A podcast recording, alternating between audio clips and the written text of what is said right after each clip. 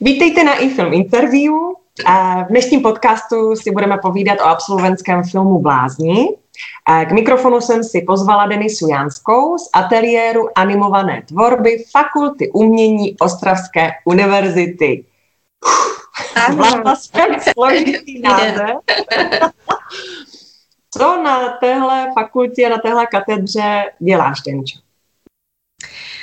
Já, uh, co se dá, já uh, ateliér, ateliér animované tvorby vedu v současné době, uh, protože jsem tak nějak do toho spadla sama.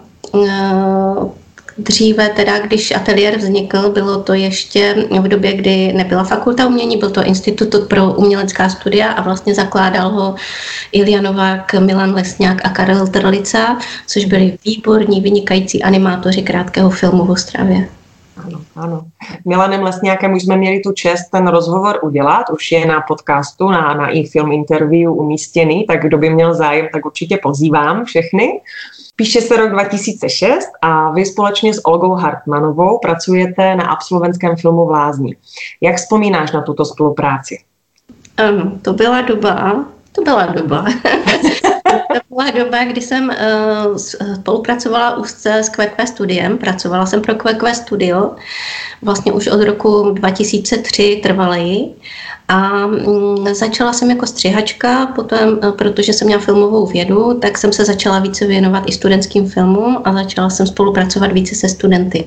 Takže v době, kdy vlastně Olga natáčela v QQ Studiu svůj film, tak jsem dělala veškerou postprodukci a vlastně jsem eh, dohlížela na to, eh, co prostě potřebuje pro, pro svůj film, aby dopadl dobře. Tento animovaný film se odehrává pár hodin před skázou Pompeji, před výbuchem Vesuvu eh, v Lázní. A co vás vedlo ke zpracování tohohle tématu? Tak, to je otázka hodně na Olgu, protože je to její absolventský film a Lize autorský. Myslím si, že Olgu inspirovala návštěva Itálie, Pompeji, eh, kde mm, v muzeu vlastně uviděla siluety chlapíků, kteří byli vytaženi jako z kameněliny z podsutin Vezuvu. A vlastně ji asi fascinovalo ta poloha, ve které oni se nacházeli a začala domýšlet vlastně, co se mohlo stát a vytvořila úplně nádherné charaktery, které potom včlenila do svého filmu, nebo na kterých eh, položila svůj film.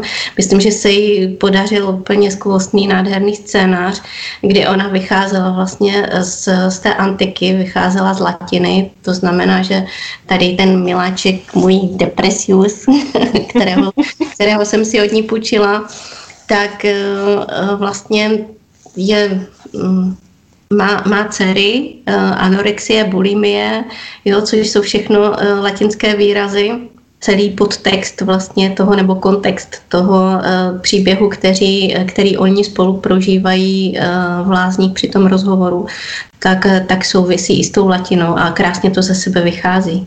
Mm-hmm. Krásně to do sebe zapadá pro posluchače podcastu, kteří nebudou mít tu možnost vidět nás na počítači nebo v televizi, tak uh, připomínám, že Denča má před sebou jednu z nádherných loutek ze dvou hlavních hrdinů a to je Depresius, který je naprosto netradiční formou udělaný. Z čeho on je udělaný? My se tady tak spolu depresíme. Olga, uh, mimo to, že je tedy velmi uh, šikovná kreslířka, kreslí, animuje filmy i 2D, tak je i nesmírně zručná a začala vyrábět objekty, kdy používala vlastně vatu a uh, silonky, punčochy. Uh, a pak jí napadlo tedy, protože ta punčocha, když se natáhne na tu vatu, uh, tak uh, má takový charakter lidské kůže, Eh, tak využila vlastně toho, hm, tohoto efektu pro to, aby vytvořila své loutky do filmu. A protože ten efekt právě té, té lidské kůže je tak dokonalý i z hlediska toho, toho ne pohledu, ale i dotyku, jako ne takový haptický ten, ten, ta, ta loutka, tak, eh, tak bylo líto jí oblíkat možná, proto eh, si vytvořila zrovna příběh Eh, kdy se loutky nemusí oblíkat, kdy naplno teda vyzní eh, jo, ta, ten, um, ten materiál vlastně, ze kterého jsou udělané. Uh, Olga tím, že použila, jo, to samozřejmě vevnitř má i kostřičku, tak aby oni se mohli pohybovat, a, aby vlastně pro, animo, pro animovaný film je důležité, aby ta loutka byla stabilní, oni mohou pohybovat i prsty, aby vydržela vždycky ten pohyb pro každou fázi zvlášť, aby se mezi tím jako vždycky eh, stihla vyfotit, protože samozřejmě animace je o tom, že musíte snímat polečko, políčko po políčku, okénko po okénku a dokonce dala drátky tedy i do uh, mimických svalů a úst, takže vlastně si vytvořila tu loutku tak, aby uh, zpracovala mimiku a mohla vlastně dělat lip sync, jo, tou loutku. Vidíte, že díky té vatě a díky t, uh, tvárnosti vlastně to, té silonky dokázala vypracovat i uh, přesnou, um, přesný tvar uh, tváře a uh, mohla pracovat i s mimickými svaly. Ano. Takže to je depresius, vyloženě vidíme uh, jeho smutný a zklamaný, zkroušený výraz, i poloha je, je, jeho těla je takhle. Další teda druhým jeho kolegou, partnerem uh, v tom filmečku byl Despotus, to nám napovídá samozřejmě charaktery těch, těch postaviček, ale pak oni mluví o Eh, manželkách, jako je byla symetria, submisia, dcerách, anorexia, bulimia. Nádherná eh, varianta, jak popsat eh, nebo přiblížit divákovi charakter těch postav a vůbec jako, jejich, jako kdyby život, že jo? Mm. Že jo? Ano, ty charaktery jsou nádherně vystavené v tom scénáři i, i to, jak s nimi Olga zahrála v tom filmu.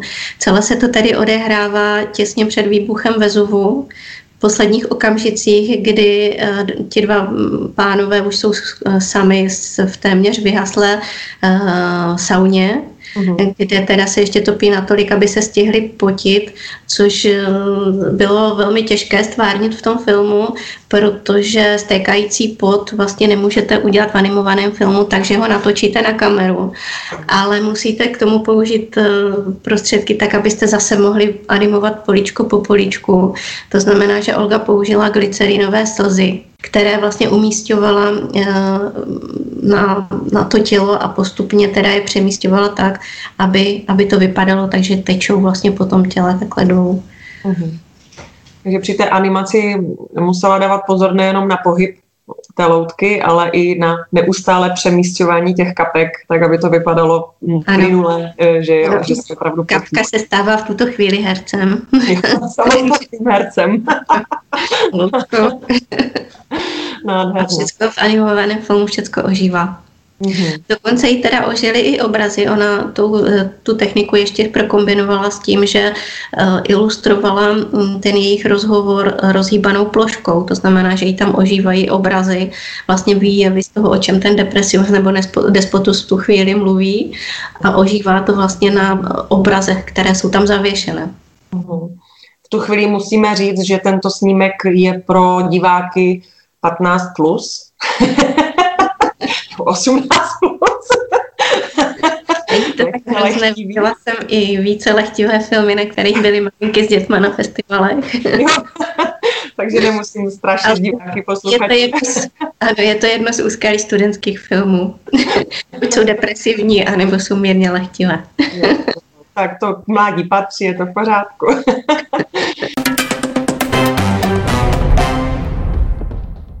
Ateliérové vedení měl Ilja Novák, eh, což je náš nejslavnější animátor, úžasný člověk. Eh, jak vzpomínáš na spolupráci s ním? Mm-hmm, Ilja je úžasný člověk, opravdu velký animátor, eh, který zakládal vlastně, jak jsem říkala, už ateliér animace na Ostravské univerzitě, předtím působil jako animátor v krátkém filmu a spolupráce s ním kaž, pro každého, kdo se, kdo se s ním potkal, tak, tak byla úžasně přínosná. Na konci příběhu jsou titulky a když si je člověk pročítá, tak úplně eh, srdíčko Ostrava na plesá, protože je tam to nejlepší, co si v rámci Ostravy můžeme představit. Od hlasu, eh, od Norberta Lichého a Jirky Sedláčka přes hudbu a kytaru Rudyho Horváta, Fletna, Michal Žáček, jak vůbec mě vyzobali to nejlepší v Ostravě. Tak my s nimi spolupracujeme normálně, že jo, ale není to naše zásluha.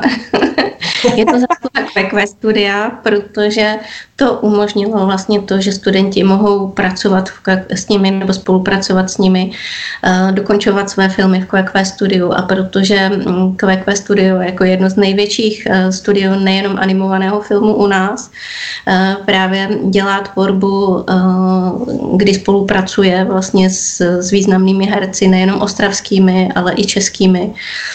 Stejně tak jako s hudebníky tak nebyl problém, když někdo z nich přišel uh, nahrát dubbing prostě do, do nějakého filmu nebo komentář, tak oslovit třeba Norberta Lichého, aby věnoval pár, pár minut prostě pro nahrání komentáře pro, pro ten film.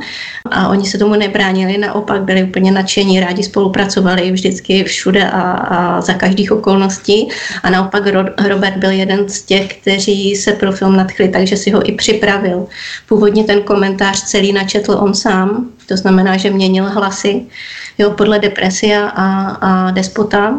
E, potom ovšem e, zasáhl, e, zasáhla konzultace ještě s panem režisérem, přišel Vláďa Mráz a vlastně ta profesionalita v tom filmu potom se odrazila v tom, že většina, pokud nejde tedy o večerníček, kdy je to komentář jednoho herce, tak by pro každou tu ten charakter, pro každý ten charakter, který se ve filmu vyskytuje, měl teda, nebo každý ten charakter měl mít svůj hlas, tak díky Vláďovi jsme potom ještě získali Jirku Sedláčka, aby se nám uh, odrazil v uh, depresiovi.